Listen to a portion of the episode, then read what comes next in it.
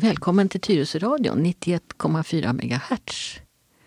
Jag heter Lena Hjelmerus och jag gör ett program som heter Dr. Lenas hörna. Och det betyder att jag har alltid en medhjälpare. Utan honom skulle jag inte klara mig. Världens viktigaste medhjälpare. Ja, han heter Leif Bratt. Och, och det är så bra att just idag så är han faktiskt ett år äldre än mig. Men imorgon, nej inte imorgon, men i sommar, då kommer jag vara lika gammal som Leif.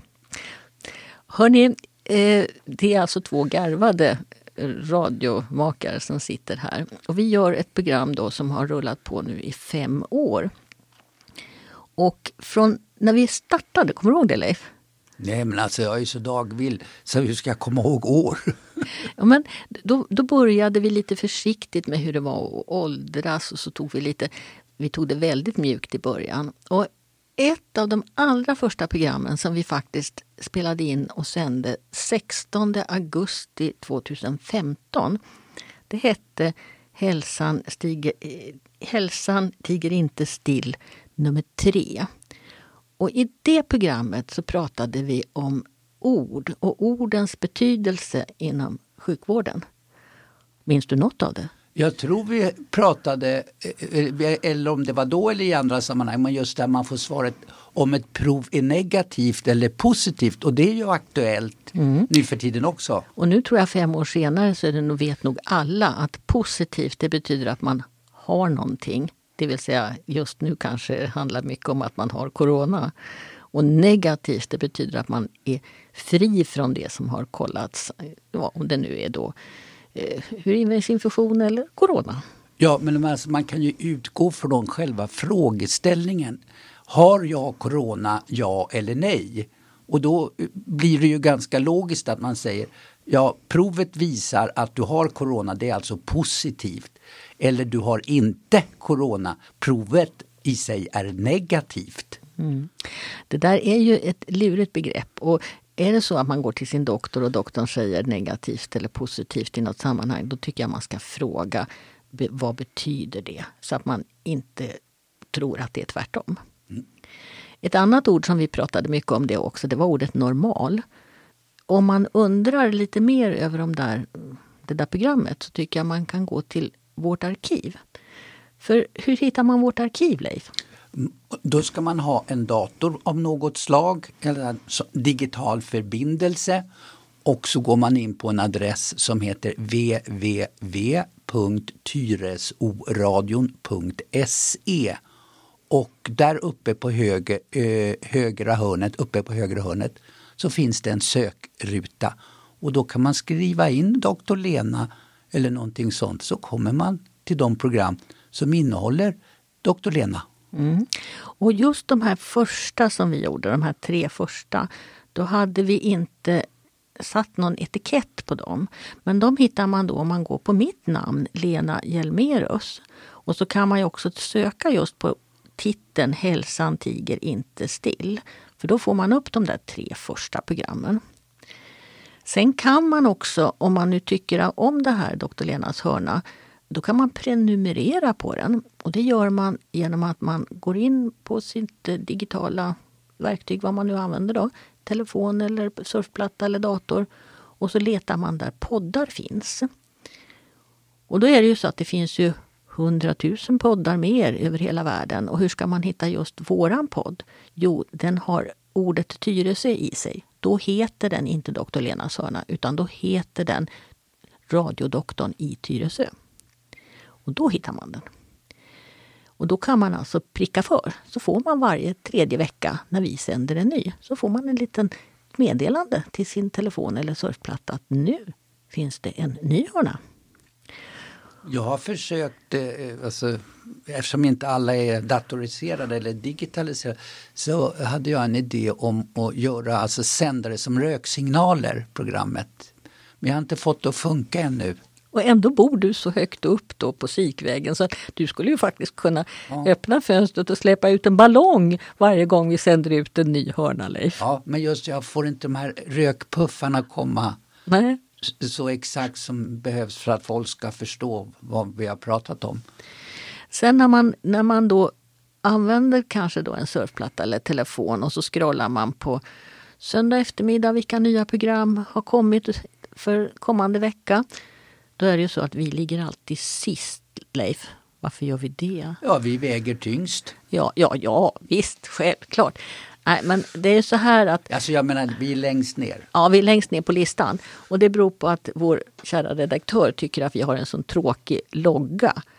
Nu tycker ju inte jag att den är tråkig för det är ett stetoskop. Och ska man ha ett medicinskt program så tycker jag man ska ha ett stetoskop i loggan. Det är ro roligare tycker jag än att titta på mig och Leif. Men eh, vi, vi eh, ja, vi byter någon gång kanske vartannat år men inte så ofta. Nej, men vad säger du då om, ett, det här är ju då ett medicinskt program, om man hade en dödskalle där som Ja, ja, då kanske fler skulle reagera. Då ja. kanske vi skulle få en sån här vad heter det, radiostorm. Ja, Klagostorm. Mm.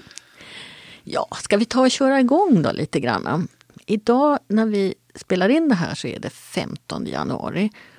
Och det betyder att vi eh, har fått en pandemilag häromdagen. Så att nu har vi en lag som reglerar det här med eh, hur vi ska klara oss i och minska smittspridningen. Har du sett några effekter av den än? Nej, alltså, eh, jag vet inte exakt vad som står i lagen för det har kommit sådana här, och det kan vi ju förklara, rekommendationer så här, 10 eh, kvadratmeter per person, alltså det ska styra hur många som kan gå in i en butik. Är det rekommendation eller lag? Ja, det står i lagen. Det står. Och eh, det står i, i, Lagen är lite mera övergripande att man måste att affärer måste ta sitt ansvar nu för att begränsa hur många som är där. Och sen finns det då det som kallas för ett allmänt råd och det är lite mera detaljerat hur den här lagen ska tillämpas i praktiken. Och där står det då att man ska ha 10 kvadratmeter per varje person som går in i en affär. Så är det en liten butik så kanske man bara får gå in tre stycken om det är 30 kvadratmeter. Och är det en stor butik så kanske man får gå in 400 stycken om det är 4000 kvadratmeter. Men hur butikerna liksom ska kunna räkna hur många som är inne på Coop till exempel samtidigt. Det har nog inte riktigt man löst än. Det är ju lättare i de små butikerna för där kan man ju se hur många som är inne. Jag hörde en fiffig lösning. Eh, det var någon godisbutik här i Tyresö eh, som hade de här slevarna, man, skedarna, slevarna man ska ta sitt lösgodis med. Då var det alltså oanvända sådana vid ingången och då blev man uppmanad att ta en sån. Om de nu fick ha tio personer säger vi inne i butiken. Då la de dit tio skedar på morgonen och då tog man allt eftersom. Och när den var tom då fick man inte gå in i butiken och då fick man vänta till det kom någon tillbaka och la tillbaks sin, om man nu kallar det då, räknesked. Så då visste de hela tiden att eh, det var max tio som var inne i butiken. Det är viktigt det här att man eh, även på sådana ställen som apoteket till exempel, att man inte går in om det är för många inne i butiken. Då får man vänta utanför. Jag var på apoteket nere i Trollbäcken och där hade man en röd lampa utanför. Och när den lyste fick man inte gå in för då var det för fullt inne i butiken.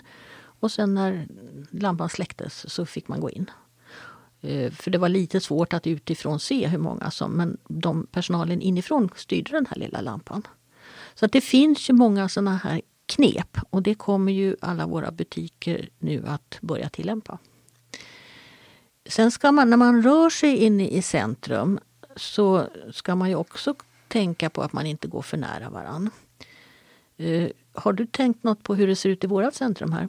Ja, och jag tycker att det är ett påtagligt antal människor som tycks, förlåt språket, skiter fullständigt i det här med avstånd. Och dessutom så har ju då Centrumbolaget eh, markerat med pilar i golvet, alltså gångstråken. Åt vilka alltså det är högertrafik i centrum, men det struntar ju folk också i. Mm. Inte alla men ett påtagligt antal struntar högaktningsfullt i de här pilarna. Och det är ju hänsynslöst mot om man själv tycker att man är odödlig och jag kommer aldrig att få det där och så vidare. Så kan man inte överföra det till andra personer. Det är hänsynslöst tycker jag. Mm, det är det. Och jag tror att det är nog många som inte tittar på golvet utan de har inte sett det där att det faktiskt är eh, pilar och enkelriktat, vad man ska kalla det, höger trafik gäller. Men sen finns det ju de här tavlorna där det också står om det är mycket folk i centrum eller inte. Där det är grönt och när det är inte så många som rör sig i centrum och så blir det gult och så blir det rött. Och då är det rött på den där tavlan, då går ju inte jag in överhuvudtaget. Då får jag göra något annat istället. Sen finns det också handsprit vid entréerna och det är också, tycker jag, jättebra. Och det finns det också i de flesta butiker.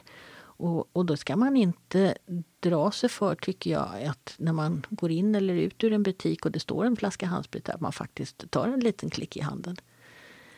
För vi tar ju i saker mer än vad vi är medvetna om och vi, vi petar oss i ansiktet också mer än vad vi är medvetna om. Men att hålla avstånd till varann, två meter, det är nog den första regeln. Och sen att inte, ja, inte, inte vara på de här platserna när det är för mycket folk. Hur är det då med det här, eh, jag tror, om det är rekommendation igen eller lag, ja, eh, om man, vad är det, ungefär fyra vid samma bord eller vad det är för mm. någonting.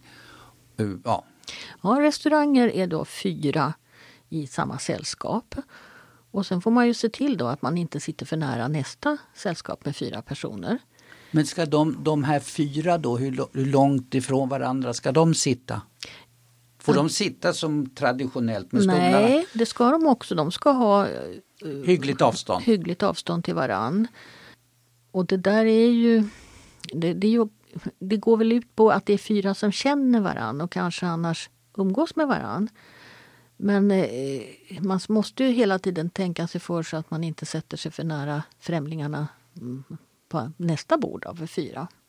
Men det måste jag säga, tycker restaurangerna här i eh, centrum, eh, det ser jag att eh, i Forns, alltså, det glesar mellan, man har tagit bort ett antal bord och någon restaurang sätter också kryss på bordet, den här platsen får du inte sitta på. Mm. Så att det blir avstånd mm. mellan människor. Så jag tycker de sköter sig ganska bra. Och sen så tar man också bort eh, sittplatserna inne i centrumanläggningarna. Jag hade ett ärende härom veckan till Farsta och då fanns det inte längre några sittplatser inne i själva centrumanläggningen utan ville man vila fick man luta sig lite mot väggen istället. Mm. Eh, och det är också en sån, sån här regel. Sen är ju det som är lokalt här för Tyresö det kan man ju hitta på kommunens hemsida. Man kan hitta hur det gäller med biblioteket och badhuset och ishallen och alla sådana saker. Och eh, det ska vi nog inte i det här programmet sitta och räkna upp allting utan gå och titta då på kommunens hemsida. Ja, jag gör ju det här programmet, det är kommunstyrelsens ärendelista och där tar Mats Lindblom upp de här nya restriktionerna, begränsningarna om eh, nedstängning och sådana här saker. Men det finns ju också på hemsidan. Det finns ju så många som tycker att vi borde göra mer. Man, man, I synnerhet i den politiska debatten så finns det ju många som skriker om att, att vi gör inte tillräckligt i Sverige. Men om man är lite saklig så måste man nog ändå säga att vi gör väldigt mycket i Sverige.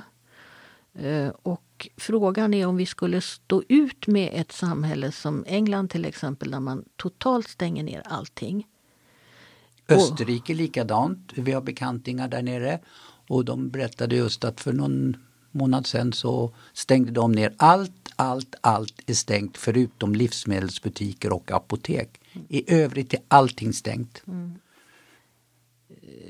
Vi har ju ändå väldigt bra uppgifter. Vi får hela tiden bra uppgifter om hur smittan ändras i Sverige. Vi har ju två gånger i veckan de här rapporterna från Folkhälsomyndighetens presskonferenser. Och nu kanske inte alla tittar på dem, men jag brukar försöka göra det. Och då får man ändå en väldigt bra bild över hur, hur det ser ut i olika delar i Sverige. Och sen kan man också om man vill gå in på statistik och titta precis för kommun för kommun eh, och jämföra olika kommuner med hur ser det ut på det stället just den här veckan. Och, och, och då ser man att det är inte bara storstäderna utan det kan bli såna här lokala utbrott på en liten ort också. Och det, det är ju ett märkligt virus det här. Men kan man inte säga så här också, du säger man, man kan se hur man ligger till och sen dra då slutsatsen att ja, vi är dåliga i den här kommunen eller i den här regionen eller vi är bra. Men jag menar, skiftar det inte också? Om vi jämför hur situationen såg ut i mars-april, vilka som var dåliga inom citationstecken och vilka som var bra. Har det inte svängt lite där? Jo, och jag är ju rätt så uh, jag vet, både förskräckt och förbryllad över hur det nu ser ut eftersom jag har en dotter i Skåne. Och i våras hade de ju nästan ingen smitta alls i Skåne. Och sen nu, så har, jag tittade på det idag, de har fyra gånger mer i, i smitta i Skåne än vad de har i Stockholm. Och det är ju ändå storstadsregioner bägge delarna. Och då undrar man vad, hur kommer sånt här sig? Och det, det har att göra med att det här är en smitta som går från person till person. Och det gäller att vi inte smittar ner varann. Och det enda sättet är då att försöka att undvika att vara för nära varandra. Men är det inte också ett... Eh, kan man prata om starka och svaga virus eller har vi över tid byggt upp ett visst skydd mot sån här säsongsinfluensa så att den biter inte lika hårt på oss? Eller vad är skillnaden? Är det någon skillnad på styrka i de här virusen som har kommit under de senaste seklet? Ja, det, det, här viruset nu, coronaviruset, det är ju ett helt nytt virus. Det har vi aldrig stött på förut. Men om man tänker sig vanliga förkylningsvirus. På den tiden när jag jobbade som aktiv doktor och träffade sjuka människor hela tiden, då blev jag nästan aldrig sjuk. Eh, och dessutom så var det väldigt tydligt att så fort jag hade haft semester och kom tillbaka så blev jag sjuk de första dagarna därför att då mötte jag ju... Så att jag hade hela tiden eh, ett eget försvar därför att jag mötte så många förkylda människor. Eh, och det där tror jag alla allmänläkare och känner igen. Men det här viruset nu, det är ett nytt virus som vi aldrig har stött på förut och vi vet inte riktigt hur det beter sig. Vi, har, vi, vi ser ju nu att eh, viruset tycker att det är bra med vinter och vått. Och om det beror på viruset eller om det beror på att vi människor är lite mera mottagliga eh, på den mörka och fuktiga vinterhalvåret. Det är ju för tidigt att säga. Vi har ju fortfarande, det är ganska precis ett år sedan det här viruset dök upp. Och, och vi kan inte tillräckligt om det än. Vi lär oss hela tiden nya saker om det. Och det viruset eh, vill ju också, det är också en levande organism som, som anpassar sig efter oss. Så att eh, vi kommer att få leva med det här viruset länge. Däremot så kanske vi inte behöver ha lika hårda restriktioner hela tiden. Men det kommer säkert också gå upp och ner. Att i vissa perioder när smittan ökar, ja då får vi skärpa oss. Och så kanske det i sommar blir en period när eh, det inte är lika hårda restriktioner. Men det, det, om det nu är anpassning, men man läser ju också om att eh, Brasilien har, fan, förlåt språket, fantastiska, kan man, nej, höga mm. Eh, eh, siffror för smittade och avlidna. Mm. Eh, och det är ju inte vått och snöigt och kallt. Och nej. Utan där är det nog så att har, man har gått över en gräns där det finns för mycket i samhället. Det är ju samma som i USA.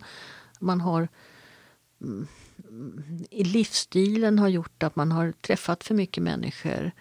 Ehm, det är svårt i, vissa länder att hålla den här eh, sociala eller fysiska distanseringen som behövs. Men nu, nu hoppas vi ju då på vaccinerna. Ska vi prata lite om vaccinerna? Jag kan inte bidra med någonting där. kan du säkert. Kommer du att vaccinera dig? Ja, alltså det är jag tillsagd att göra. Jag har ju tjatat eh, i flera program om mina proppar i lungan så att min eh, behandlande läkare sa ju att eh, jag är, in, alltså jag är 70 plus. Jag är inte i riskgruppen, jag är i risk-riskgruppen. Så han har sagt till mig, gå och vaccinera dig. Eh, min hustru har gjort likadant. Mm. Uh, ja, och då är ju bara lyda. Mm. Så fort du får en chans. Och då undrar ju alla hur, när får man börja? Och då är det så att Region Stockholm här eh, håller ju på nu att vaccinera den första prioriteringsgruppen för fullt. Och i, den ingår då alla som bor på äldreboenden, alla som har hemtjänst och de som jobbar på sjukhus i vissa, inte alla, men vissa enheter och de som också jobbar på äldreboenden. Så där har ju det redan gått igång. Sen eh, så kommer ju då sådana som du och jag, 70-plussare och i synnerhet de som har då ytterligare riskfaktorer. Och där står det dag fortfarande att man ska boka via 1177 men man har inte släppt bokningen än. Och jag gissar att det kanske blir som med säsongsinfluensan att man får ett brev hem om man är 70-plussare. Men det här vet inte jag än, för det är ingen som... Man har inte släppt det än. Men vi hoppas att någon gång under februari så ska man komma till oss. Och eh, då kommer de, det att bli, så att säga, det, det, finns ju tryck på det här. Alla tycker ju att, eh, eller många tycker ju att varför ska sjukvårdspersonalen gå före? Ska inte lärarna gå före? Ska inte poliserna gå före? Ja, ska inte brandmännen gå före? Men det finns en prioriteringsordning och jag tror att lands eller regionen kommer att försöka hålla den så mycket som möjligt. Annars blir det kaos. Eh, men än så länge så är det bara den första gruppen som får det vaccin. Och vaccinet kommer ju hela tiden in till landet. Det, eh, svenska staten har ju då tecknat avtal med fem olika leverantörer än så länge. Och då har nog, jag ska dra de där fem. Det som nu redan finns i Sverige, det är då från Pfizer. Och det är det här berömda eh, vaccinet som ska vara kylförvarat till 70 minusgrader. Men där har man ju byggt upp en både transportorganisation och hur man förvarar det och det har man börjat vaccinera med. Där ska man ha två doser. Sen har man precis också då godkänt Moderna eh, och det har också börjat distribueras ut i Sverige. Eh, det har på några ställen blivit en viss fördröjning därför att det är en del papperstekniska saker angående läkemedelsförsäkringen som inte var helt klart innan man började distribuera ut det. Men eh, det där kommer att lösa sig ganska snabbt tror jag. Så att det kommer också vara igång och där är det också vad jag förstår två doser. Eh, det är lite lättare att hantera Modernas vaccin. Det behöver inte ha lika kallt. Och de är likvärdiga, de är lika samma sorts vacciner. De är så kallade mRNA vacciner. Och det står för Messenger RNA och RNA är ju en eh, slags... Eh, Byggsten i vårt gen. Ja, det är en nukleinsyra och det är, den, den är en, spe, ska vi säga, speg, en spegel av eh, arvsmassan och den, det gör att kroppen själv kan tillverka eh, antikroppar mycket snabbare och det är, ett väldigt, det är ett nytt effektivt sätt att framställa vacciner på. Kan man säga att det är en släkting, alltså vi pratar ibland om DNA-analys, alltså vår, vår, vår genuppsättning består av DNA-molekyler och det finns också RNA-molekyler. Mm. Kan man säga ungefär så? Ja, och RNA är ju då det som styr proteintillverkning i cellerna och eh, det, det har då ett, ett smart sätt att snabbt få igång antikroppsbildning. Men det är ju inte så här att man får sprutan i armen och sen har man antikroppar. Utan man säger att det tar ungefär en månad för kroppen från vaccineringen att mm, bilda ett fullt skydd. Men bägge de vaccinerna har ett väldigt högt skydd. Sen vet man inte hur länge det sitter i. Eh, det, det är för tidigt att säga än. Och biverkningarna på de här två är väldigt sällsynta och väldigt sparsamt än så länge. Eh, vill man veta mer om just det här med biverkningarna så finns det ett bra radioprogram som har relativt nyligen sänts på P1 från Vetenskapens eh, värld som handlar just om eh, hur, och det handlar då om en biverkning på 100 000 och då är det biverkningar som ändå är be, eh, inte bestående utan är behandlingsbara och eh, det är mer att det handlar om att, att man ska observeras en stund efter sprutan. Man får inte åka hem på en gång. ja, det, det, det är, jag tycker att man ska vaccinera sig. Det, det, det är bara så. För att annars får vi aldrig stopp på det här. Sen finns det då AstraZeneca. Eh, det, det kommer förresten ett eh, Sverige har beställt ytterligare ett sånt här MRA-vaccin som heter Curavac. Um, nu ska jag bara bläddra lite här i mina papper så att jag säger rätt. Curevac heter det. Och det tror man att det kommer att släppas i slutet på mars någonting. Men det är fortfarande inte godkänt eh, än. Det är inte släppt på marknaden än. Men vi har bokat, Sverige har bokat upp sig för det. Och fördelen med det, det är att eh, eh, där har man förbättrat det här med förvaringen ytterligare så man kan ha det, det är inte, man kan ha det i vanligt kylskåp, 5 plusgrader i tre månader. Och det gör ju att man kan distribuera och lagra och hantera det på ett enklare sätt. Sen finns det då två vacciner till och det är AstraZeneca och det har man ju börjat i England att använda. Och det kommer ju också nu här att, att börja användas i Sverige. Och sen kom det ytterligare ett belgiskt ifrån det stora läkemedelsföretaget Janssen. AstraZeneca är ju också läkemedelsföretaget så att säga. Och, och de är mera traditionella vaccin. Ehm, men det gör att de, eh, man är van att framställa och det, är, eh, det går det kommer att komma ytterligare många olika vaccin men det är de här fem som är så att säga upphandlade. Och det som är väl viktigt är att man vet vilken sort man får. För ska man ha ytterligare en spruta så är det, ska man ha det av samma slag.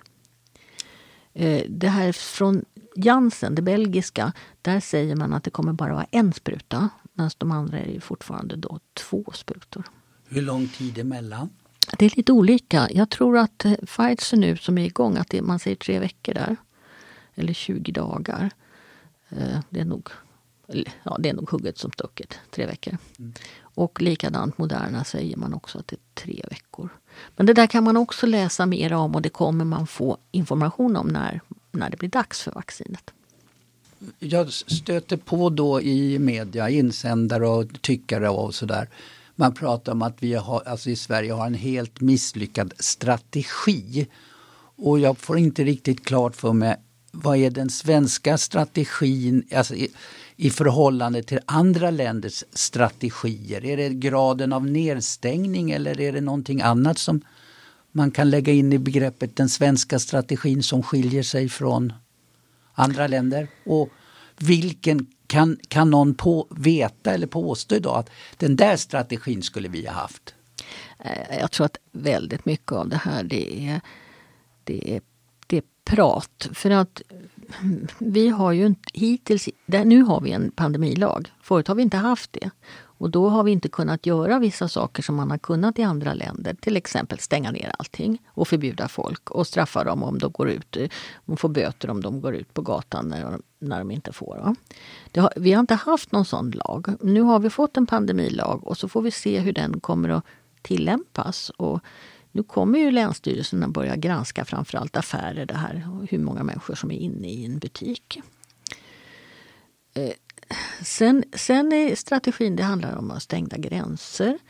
Vi har inte stängt gränserna så hårt men nu har vi en stängd gräns mot Danmark och vi har en vi har stängd gräns mot, kan vi säga, mot England därför att alla som kommer ska ju då testas. Ehm, vi har, vi har inte testat i början lika mycket som en del andra länder men det hade ju att göra med att vi hade ingen kapacitet för att testa.